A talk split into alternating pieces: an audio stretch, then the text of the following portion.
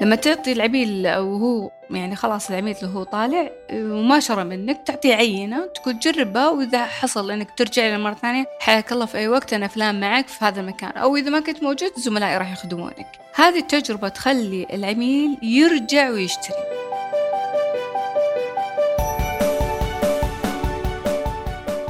تذكر أن العميل اللي تخدمه وهو مستعد للبدء التعامل معك وشراء منك. وهذا ما راح ياخذ منك أي مجهود سوى أنك أنت تختار له. منتج كويس وقرارات ما بعد المبيعات هي اللي راح تخلي عميلك يرجع يشتري منك.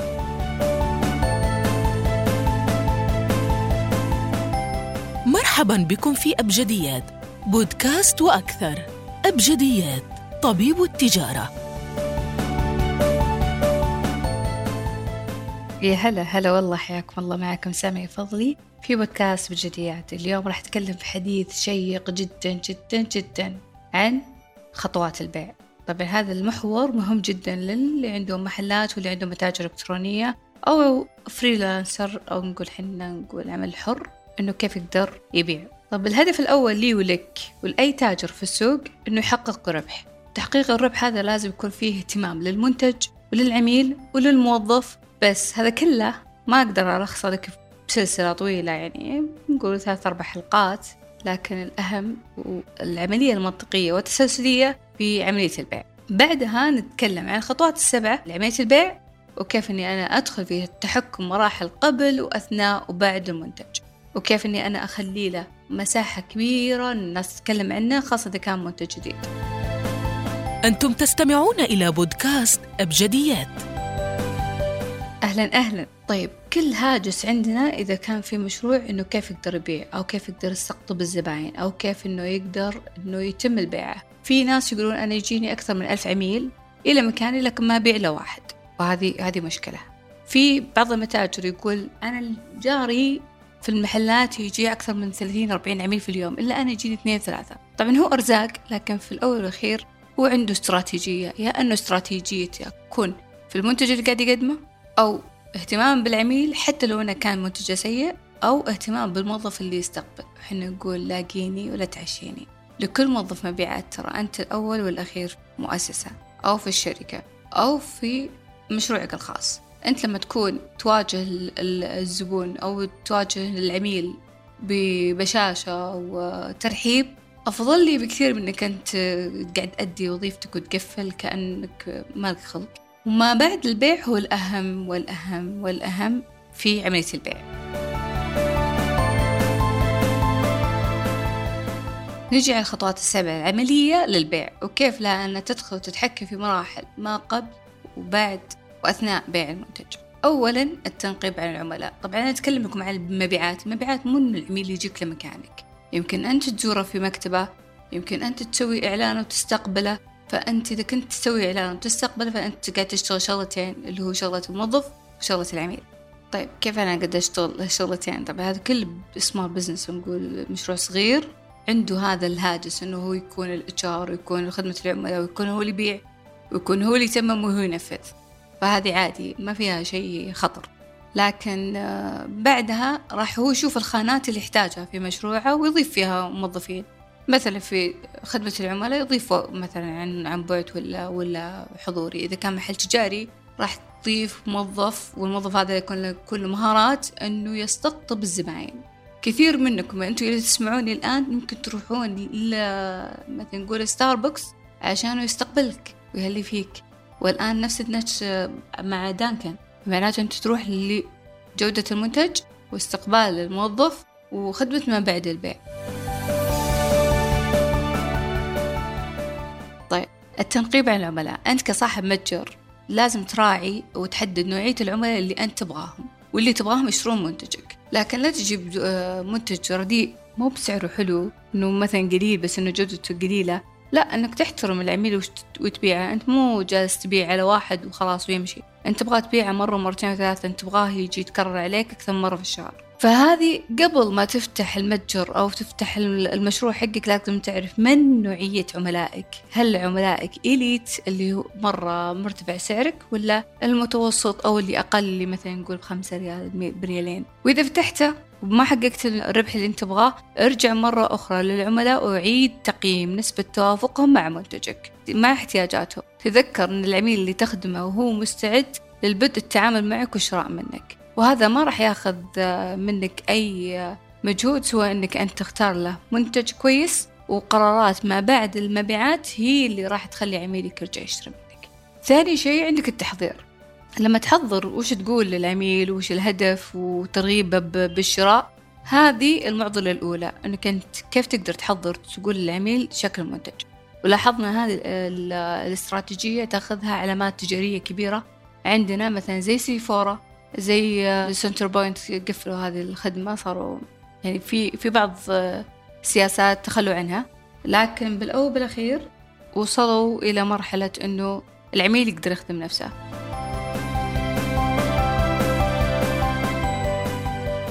طيب الآن إذا أنت حضرت وش تقول للعميل السيناريو اللي ينطرح من موظفك أو أنت وتشمل هذه خطوات الأسلوب الإلقاء ستعتمد على المبيعات عبر الهاتف أو أسلوب كتابة أو وصف المنتج.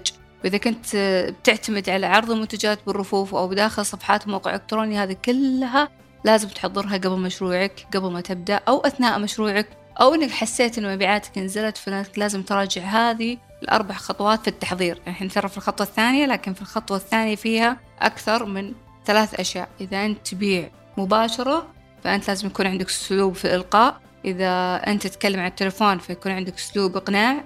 إذا أنت قاعد تكتب فأنت عندك أسلوب الوصول للكلمة للعميل عشان يفهمها.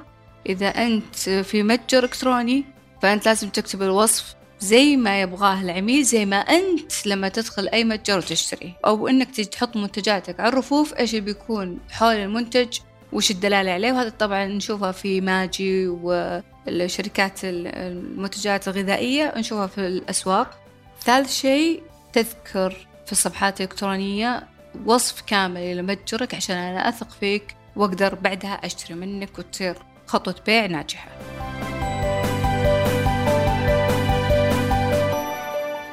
الخطوة الثالثة اللي هو صنع آه، الانطباع الجيد والانطباع الجيد الأول يدوم. يعني أول ما تعامل معك وتكون هذه قاعدة مرة ثابتة في المبيعات يعني إذا تعاملت معك أول مرة وابدأ ترسل لي العرض وإني أنا أكون موافق عليه وحبيته أنا كعميل في متجرك وراح يثير اهتمامي فأنا راح أتمم البيعة فهذه أول شيء يكون في صنع الانطباع الجيد لدى العميل. طيب هذا يكون يقول لك لاقيني ولا تعشيني خاصة لما يكون موظفين ويكونوا شوي فضين بالتعامل فالعميل ما يقدر يرجع لك مرة ثانية ويمكن يكرهك ويمكن يقول للناس لا تروحون له. بإمكانك تعرض هدية بسيطة عند شراء أي منتج. وراح أقول لكم سالفة قبل أسبوع صارت لي مع أحد المتاجر حقت بيع المستلزمات الشعر. واللي تتعلق بشراء منتج أنا ما كنت أبغاه واضطريت إني أشتريه عشان الموظف قابلني بطريقة مرة كويسة. مع إنه كان جديد ما له تقريبا يومين. لما تعطي العميل وهو يعني خلاص العميل اللي هو طالع وما شرى منك تعطيه عينة تقول جربها وإذا حصل إنك ترجع لنا مرة ثانية حياك الله في أي وقت أنا فلان معك في هذا المكان. أو إذا ما كنت موجود زملائي راح يخدمونك. هذه التجربة تخلي العميل يرجع ويشتري. طبعا الموضوع اللي أقول لكم عليه إنه أنا دخلت على محل المحل هذا آه، يبيع منتجات الشعر والصبات والعناية وكذا. فلفيت شفت الأسعار إنه المحل اللي جنبه أفضل منه. فهو لما جيت أنا كخاص طالعة من المحل رجع لي قال لي ممكن أساعدك؟ لا قلت له والله. المنتج اللي عندكم أغلى من المحل اللي جنبكم. قال كم المحل جنبنا؟ قلت له السعر. طيب قال خلاص okay. خذي لنا الجولة كذا ولا خذي هذه عينة جربينا أنا حسيت إنه لازم أعطيه فرصة. قلت خلينا أرجع أشوف. قلت طيب كم تعطيني إياه؟ أعطاني نفس سعر جاره.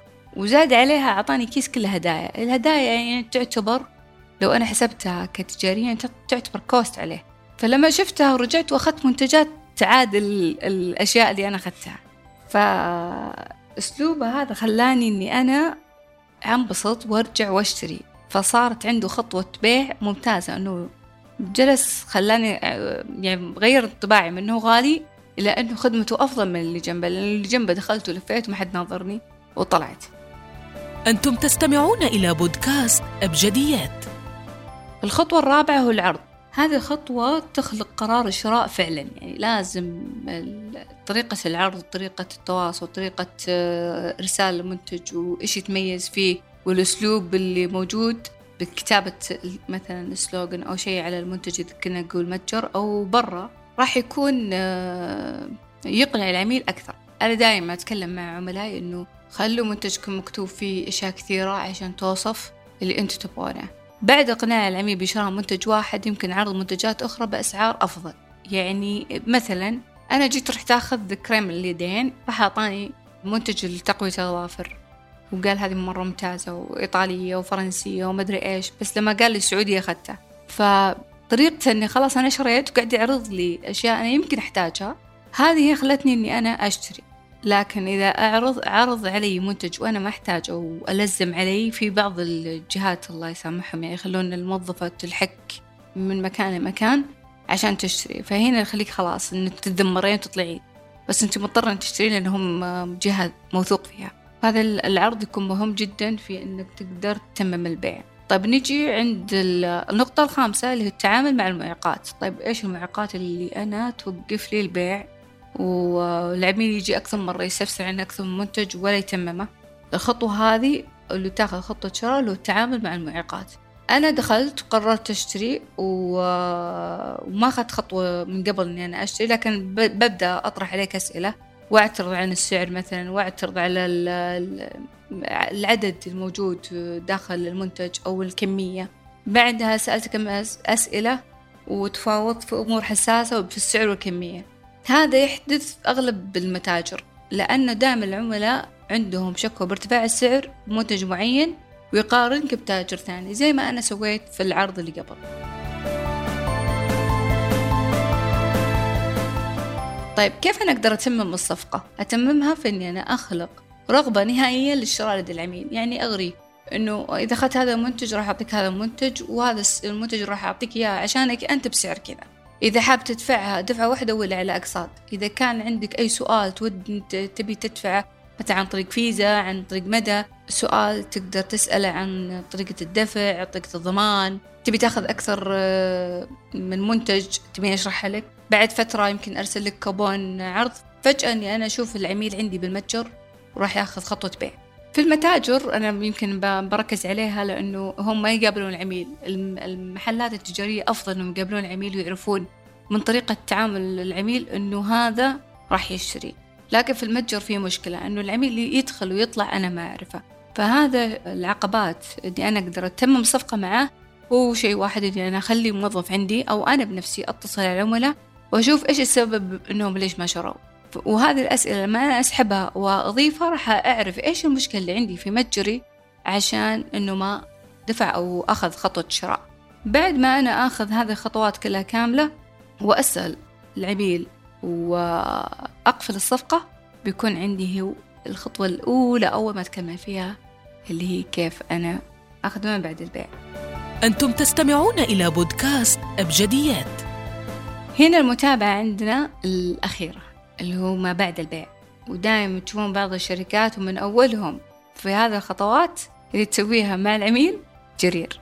جرير عندها متابعة العميل لدرجة أنه عادي ما عندها مشكلة. تخسر منتج وتعطيك منتج بديل عشان تكسبك مرة ثانية. وهذه الخطوة السابعة والنهائية في خطوات البيع. إني أنا أرسل للعميل استبيان بسيط بعد حصوله على المنتج بعد طلبه أونلاين أو تقديم ورقة اقتراحات أو إني أخلي رقم موحد أو رقم واتساب يرسل فيه للعميل هل إنه لو إنه طلبه أونلاين هل وصلت الشحنة للبيت؟ هل في مشكلة مع شركة توصيل إذا أنا رحت هل الموظف كويس؟ هل الموظف خدمك بشكل آه، ممتاز؟ وممكن أبغى آه، رأيك يهمني عشان استمرارية المشروع. وبعدها تقدر تعزز الثقة بينك وبين علامة تجارية إنك أنت تخلق فرصة لك واقعية للعملاء الجايين لما تنشر آرائهم لازم يكون آراء حقيقية لأن بعض الشركات والمتاجر ما تحط شيء ما تحط شيء حقيقي. كذا وصلنا لختام الحلقة ونراكم إن شاء الله بحلقة جاية. راح أتكلم معاكم عن التسويق وكيف إني أنا أقدر أسوي حملة تسويقية ممتازة. معاكم سامية فضلي ويعطيكم ألف عافية. كنتم مع بودكاست أبجديات.